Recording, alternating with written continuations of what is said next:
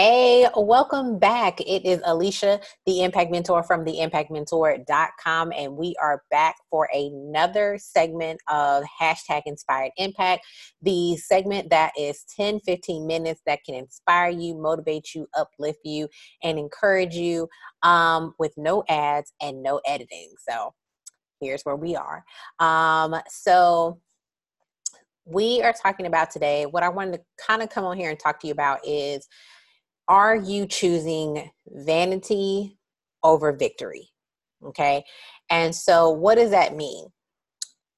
Vanity is what are you doing so that on the outside, on the aesthetic side, it looks like you have everything together.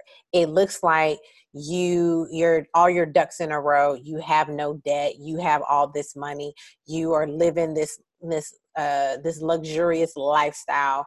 Um, you have all of these high end clients. You have all of these speaking gigs. You have all of these book signing deals. You have all of these sponsors, and on but on but on the other side of the fence, you really don't have those things. You are projecting a image or an illusion or an image that is blurred, has blurred lines, or it's just 100% false. And so, versus just really owning the victory of what you have actually accomplished. And so, are you choosing vanity over victory? Would you rather just look like you have it all together and push out an image or project an image that is false or has a false narrative over making sure that you're actually following through on what you say you're going to follow through on, that you're being consistent with what God has told you to be consistent with, that you're actually aligned with your purpose, aligned with your mission, aligned with what he told you to to do and how he told you to show up.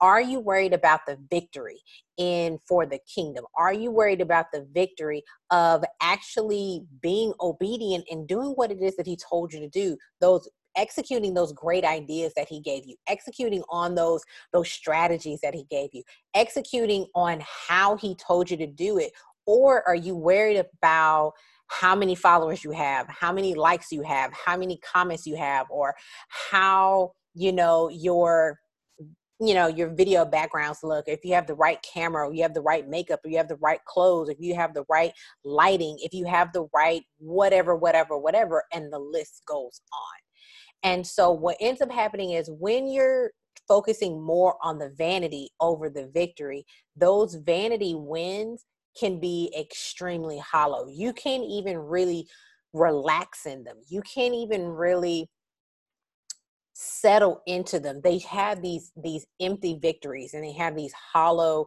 these hollow wins because it's not really aligned it's not really true it's not really connective and so but when you choose to shift and really focus on, am I putting the word out? Am I actually sharing my talent for the pure, pure purpose of sharing the talent? Am I really putting out the word of God? Am I actually showing up authentically? Am I really showing up um, true to myself and putting my gifts out there and showing up how He laid the plan out for me? Then, when you start to get the metrics for them. So when you start to actually gain followers, when you start to actually gain the likes, and when you actually start to gain the comments, you can actually settle in those wins. You can actually settle in that experience of, huh, yes, people are actually connecting. Why? What makes those two wins different? It's because when you're focusing on the vanity part of it, when people start to like and when people start to comment and people start to engage you they're not really connected to the real purpose and the real intent of the why you were doing the vanity stuff in the first place.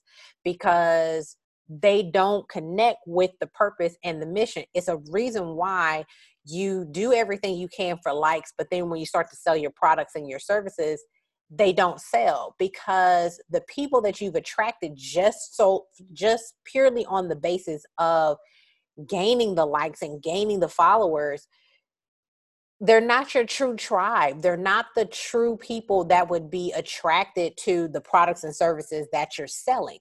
But when you focus more on the victory and putting out that that purpose driven content and that and that divinely led um, book or writing that that truly aligned blog post then when those likes and those comments start to come in the true engagement, it's going to feel like a breath of fresh air. It's going to feel super easy. It's going to feel like you're not having to hustle and try when you actually put out a flash sale, when you actually put out a product to sell, when you actually share your cups, your your cup designs or your coffee mug designs or your t-shirt designs or your candles or your, you know, your services, your packages, whatever, people are just going to be like, "Oh my gosh, girl, I've been looking for this. I've been praying to God for this. I'm so glad that you're offering this. I'm so glad that you're doing this. I'm so glad that I found you. I'm so glad that, you know, that you exist right? Those are real words that people will say to you when you focus on the victory and really doing the internal work and focusing on the the purpose driven stuff and then waiting for the fruit to come, waiting for the vanity metrics to come on their own. But I challenge you to not chase the vanity metrics up front because you're just going to get those hollow victories and those shallow wins and they're just not going to hit the same versus if you focus on the content and the meat and the purpose and the and the mission at hand then when the vanity metrics come they are solidified. They are solid. They are unshakable. They are unbreakable. Those people are really there for what you truly have to offer and what you truly have to give so I challenge you to focus on the victory and let the vanity come on its own versus doing chasing after the vanity and missing out on the victory. All right. So if you liked this episode or this segment of hashtag inspired impact, please like and comment on whatever listening platform um, that you are listening to. And if you would like to see the video version of this, um, you have to join patreon.com slash position to impact in order to see me. You'll be able to see me and uh, see the video versions of this. This is only the video version of this is only available to my patreon uh, royal fam family. So please i'll see you on there. And shout out to all my patreon royal family. I love you guys. Thank you so much for supporting the podcast. And until the next episode bye